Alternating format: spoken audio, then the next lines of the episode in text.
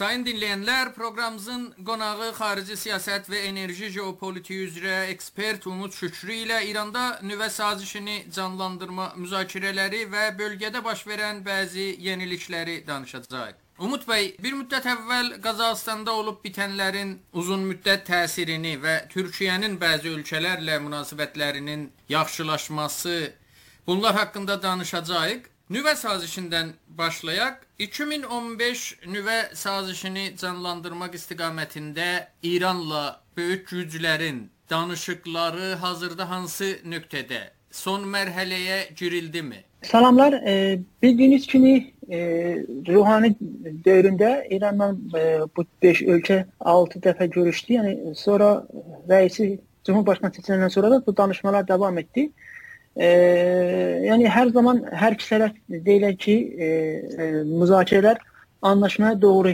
devam ediyor ama ara sıra her hafta yeni bir haberler çıkıyor. Bir gün Avrupa'dan e, beyanat geliyor ki İran biz istediğimiz gibi devam etmek. Bir gün İran'dan beyanat geliyor ki Avrupa istediğimiz məsələdə hareket eləmir. Ama görselen bu ki bir isteksizlik var. Yani açıkçası isteksizlik var. Yani Amerika'nın xarici siyasətdə öncəliyib, Avropanın enerji krizi ilə üzbəüz qalması, Ukrayna-Rusiya məsələsi, dünyanın də, e, dinamiklərinin dəyişməsi istərsəniz İrana fürsət yaradıb ki, hətta bildiyiniz kimi gələn e, illik büdcədə günlük 1 milyon 200 min boşqə e, neft satmayı hədəfləyib ki, indi də ona yaxın e, rəqəm sata bilir. E, %90 da Çinə satılır.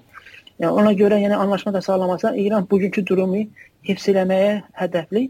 Bir de hele ta içeride millet fişarlara döze, dözme kabiliyeti varken devlet bunu fırsat bilerek e, müzakereni sürdürecek ama müzakereden amaç anlaşma değil de müzakereden amaç yine müzakere. Yani İran görülen o ki hələlik İran e, fırsatı ganimet bilip daha fazla müzakereni sürdürüp içeride hem oranımı daha çok zenginleştirme hem de gelecek müzakerelerde bu oranyomun daha çok zenginleşmesinden daha çok imtiyaz almaya hedefleme ve e, kısıtlı anlaşmayı daha çox iyrəncdir. Kısıtlı, yəni 2 illik ya 1 illik ki, o çərçivədə hər iki tərəf baxsın, görsün ki, qarşıdakı tərəf anlaşmaya sadiq qalıb qalmayıb.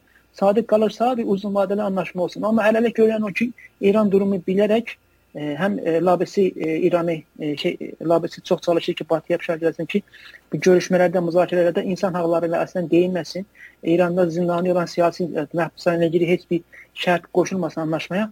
İran bunu bilərək Rabi ilə bərabər çox güclü hərəkət eləyir. Nə yazıq ki, onun bədəlini içəridə millət ödəyir. Batının da çox dediyim gibi enerji krizi olsun, Ukrayna, Rusya meselesi olsun, ondan önce bildiğiniz gibi Kazakistan olayları olsun ve Çin'den Amerika'nın bu ekonomik e, tartışması ve e, Çin'de Çin'e yakın denizde South China yani o Güney Çin de, denizinde olan gerginlikler de her şey ele verip ki İran da bunu muhtemelen bilerek fırsat sayarak yani su istifade ederek zaman öldürmeye çalışır ve zaman öldürerek daha çok imtiyaz kazanmaya çalışır ki gelecek anlaşma ki gec ya tez bu anlaşma sağlanacaq. Əli daha çox dolu olsun və istədiyi az imtiyaz verib çox imtiyaz alsın və bildiyiniz kimi ki 3-4 gün öncə də Yemənin Husiləri ki, İranları dəstəkləyib, imarata saldırdı ki, imaratın da həm enerji güvənliyi, həm milli güvənliyi çox böyük risklə qarşı-qarşıya qaldı və bu həmlələrin davamı gəlsə ki, gələ bilər. Çünki İrandan yetərincə silah gələk. Bu da e, bölgədəki dinamikləri də İranın istər-istəməz lehinə çevirir. İran da bunu e, fürsət bilərək dediyim kimi müzakirələrdə daha çox imtiyaz almaya çalışacaq. Umud bəy, tərəflərin verdiyi mesajlara diqqət çəkdiniz. Avropa tərəfi də keçən aylarda sərt mesajlar verdi. Bunların bəziləri ultimatum tərzində idi. Bu mesajlar yəni daha çox həm masada tamam bir bazarlıq var, bir bazarlıqda media üzərindən, beynəlxalq ictimaiyyət üzərindən o bazarlığı davam edirlər bu mesajlarla nə anlama gəlir? Bildiğiniz kimi mesajlarda, e, müzakerelerde ya siyaset dünyasında mesaj verildiğinde mesajın e, iki, alıcısı iki tarafı var. Bir içeri kamu yani e, toplumun içi, içerideki insanlara mesaj verilir ki müzakereler devam ediyor. Biz bu şeyleri istiyor.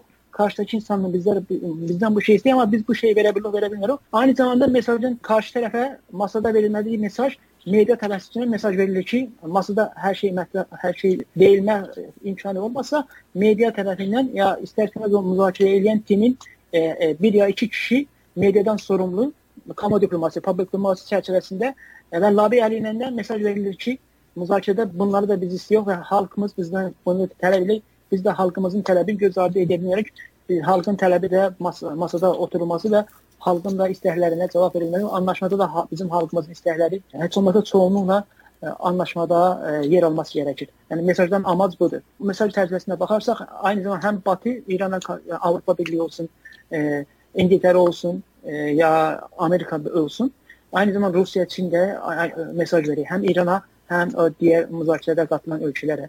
Mesajdan amac dediyim kimi həm iç halklara, həm də ki masadakı insan, masadakı timlərə, masadakı ölkələrə ki bu işləri görməmiz gərəkir. Xalqın da bəklentisi bizdən budur. Biz də xalqın bəklentisi göz ardı eləmə şansımız yox. Ona görə müzakirə hələ də davam edir. Ta xalqımızın ən çox istədiyi anlaşmada yer alana qədər. Umud bəy, mən bir də sizin sözlərinizdən belə anladım ki, İran İslam Respublikasının ən azından bir neçə il öncəyə görə bu sazişə ehtiyacı azalıb. Doğrumu? Ehtiyacı azalıb, yəni bir nizamın ehtiyacı var. Bir içəridə 85 milyon insana. Nizam və nizama yaxın e, interes qrup çıxar qrupları e, bu gündə e, gündə 500 min də 1 milyon da boş yer satılsa, nizamın ideolojisini e, ideolojisini dəstəkləyəcək para gələ bilər, az da gəlsə. Amma 85 milyon rifahın göz göz önündə alsaq, yəni ona baxsaq, tabii ki, hər bir gün anlaşmanın gecikməsi insan e, içəridəki ekonomiyada çox pis etkileri ve insanın normal insanların yaşayışına çok etkili. Ama nizama bağlı insanlar, nizama bağlı çıxar qrupları və, və labisi e, e, yurt dışında e, onların bugünkü durumda da e, yetərincə e, dəstək gəlir, e, dövlətdən para gəlir. Nizamın ehtiyacı azalıb və bu ehtiyacın azalması İranla Çin münasibətlərində son illərdəki o münasibətlərin dərinləşməsi və artması bunda təsiri böyükmü? Dediğim gibi Çin'le Amerika'nın hem ticarette hem beynelhalk dengelerde e, rekabetleri var. Çin bunu fırsat bilerek İran'ın daha çok neft alıyor ama buna da isterseniz Amerika'da e, yani Biden e, yönetimi de yeşil ışığı verip ki Çin de isterseniz e, neft alsın ama Çin daha çok alır. Dediği gibi nizam ayakta kalmak için hala bu durumda kalabilir. Ama ne zamana kadar kalabilir o büyük sorudur ki bunu da özleri de bilirler. Gec ya tez bu anlaşma sağlanacak ama hele nizam eline geldiği kadar direniyor ve ən az e, masada ən az e, imtiyaz verib ən çox imtiyaz alma peşində. Amma hələlik əgər nizam e, özü və çevrədəki e, ona bağlı insanlar, ya bağlı siyasi qruplar ya nizami qruplar hələ bu durumda da ayaqda qala bilər. Amma tam anlamında deyil. Hələlik ayaqda qala bilər. Yəni Bu da çox e, uzun vadəli olmayacaq. Bunu nizam da bilək, nizam da farkındadır. Qazaxıstan məsələsinə gələk. Qazaxıstanda görünən o ki, ölkə içində vəziyyət e, sabitləşib, hər şey bitdimi, yoxsa uzun müddətdə bölgədə güc tənlikləri, güc dəngələri üzərində ciddi təsirlərini bunun görəcəkmi? Yəni xüsusilə Qazaxıstan coğrafi mövqeyi və enerji qaynaqları etibarilə e, çox önəmli bir ölkədir. Qazaxıstan olayları indilik yani sakinleştirmiş görünür. İndiki Cumhurbaşkanı isterseniz e, eski Cumhurbaşkanı da e, güçsüz hale getirdi, etkisiz hale getirdi. Şimdi her şey öz kontrolünde. Ama bu siyasi sistem yani bu e, sentralik ya daha çok merkeze önem vermeye devam ederse aynı protestolar yani e, neçə yıl sonra da baş vermə ihtimali çoxdur. Məgərin ki, o e, sadəcə e, iç bölgeler değil de tüm bölgelerde yeterince devlet yatırım yatıran ve kalkınma, gelişme, tüm inkişaf bütün bölgelerde, bütün e, rayonlarda olan. Bu devam et, bu siyaseti devlet devam et, e, tercih etmese yüzde yüz e, neçə ildən sonra aynı etirazı protestolar çıkacak. Hele de bu o, e, sınırda yakın bölgeler ki oradan neft ve gaz şey, İran'ın sınırdaki bölgeler kimin.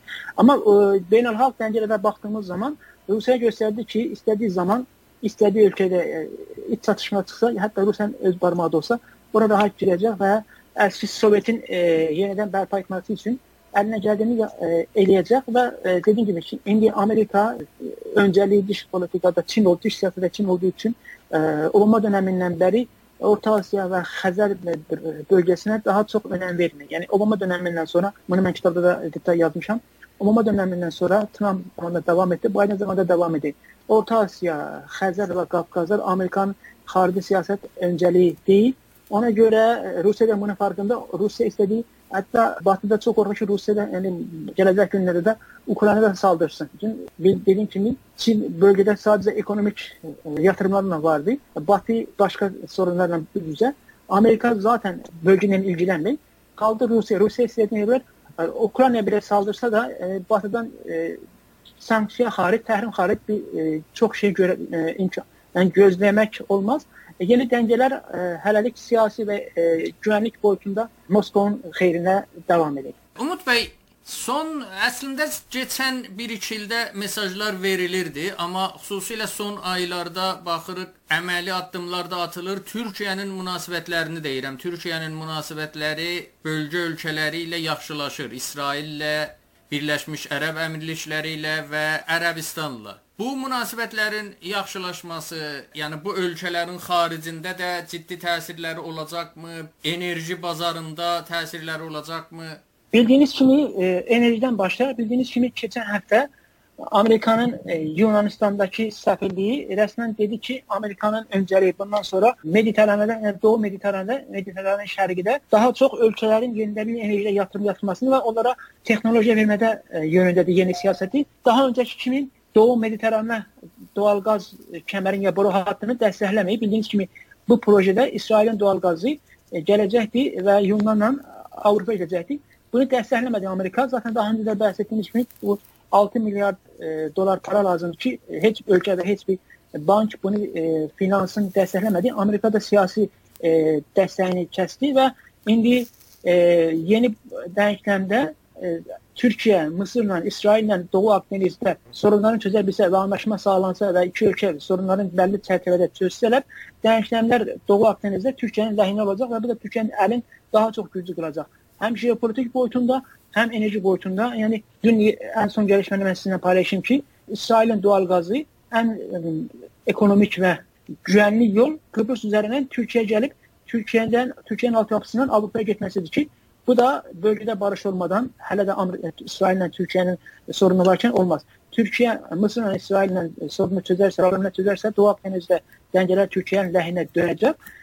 E, Arabistan'la İmarat'a geldiğimiz zaman bu ülkelerden de problemler çözülürse her üç ülke harici siyasette ideolojiye öne çıkartmasalar bunlar sorun çözülebilir. Bu iki ülkenin de sorun çözülse Türkiye'nin bir sıra ekonomik ihtiyacatını bu ülkelerin hem devlet hem de özel finans sektöründen destek verebilir. Bu da Türkiye'nin elini daha çok güçlü kılacak. E, gelecekte hem ekonomisi bildiğiniz gibi yaxşı durumda değil. Doların e, dolarla TL fiyatları e, geçen aylarda çok e, unstable oldu ve bu da ekonomiye çok büyük zarar vurdu e, xarici sərmayə gəlsə Türkiyə ekonomisi toparlayacaq. Akdenizdə də sorunlar çözülsə, həm Akdenizdə, həm, həm Orta Doğuda Türkiyə yeni bir siyasət izləsə ki, izləməyə başlayıbdı. Daha etki rol oynayacaq və bölgədə də etki buraxacaq. Bu rolunu da e, Qafqazda da zaten e, 2-ci Qarabağ savaşında gördük, amma Qafqaz və Orta Asiyada Türk e, özellikle bu Kazakistan e, etirazatında Türkiye çok rol oynayabilmedi. O da ki dediğim gibi çünkü bölge isterseniz Rusya ve Moskova ve Krim'in nüfuzu altında olduğu için başqa bir ölkələrə Rusiya şans tanımadı. Amma Doğu Akdenizdə və Orta Doğuda və Ərəb ölkələri ilə sorunlar çözülürsə, Türkiyə həm e, sərmayə gələcək, həm də türk şirkətləri e, Ərəbistan olsun, e, İmarat olsun və digər ölkələrdə də daha çox gedib yatırım yatıra bilər ki, hər iki tərəf win-win, yəni hər iki tərəf qazana bilər. Yeni bir xarici siyasət bölgəyə lazımdır. Ən çox da Türkiyə, İmarat və Ərəbistana da yeni siyasət, daha real bir siyasət və e, gündəmi təqib edən və milli çıxara dayalı siyasət yürütürsə, özellikle Türkiyə gələcəkdə bölgədə çox daha önəmli rol oynayacaq. Türkiyə siyasi boyutunda Türk şirkətləri, hələ də enerji şirkətləri bölgədə də yenilənebilir enerji sahəsində Türkiyənin də şirkətlərin e, yaxşı potansiyeli var. E, münasibətə gələcəksə Türkiyə də Ərəbistanda və digər ölkələrdə də yatırım yatırılır. İsraillə də enerji alanında işbirliyi çox potansiyel var. Mısırla da aynı zamanda doğal qazda və yenilənebilir enerjidə Türkiyədə yatırım yatırımı və Türkiyədə yatırıma çox e, potansiyel var ki, bu həm Türkiyədə istihdam yaradacaq, həm e, dolar gələcək, həm bu ekonomik həcmin çoğalması e, gələcəkdəki sorunlarda bəlli çərçivədə çözməyinə yardımcı olacaq ki, buna da qarşılığında bağımlılıq deyirlər uluslararası e, siyasətdə.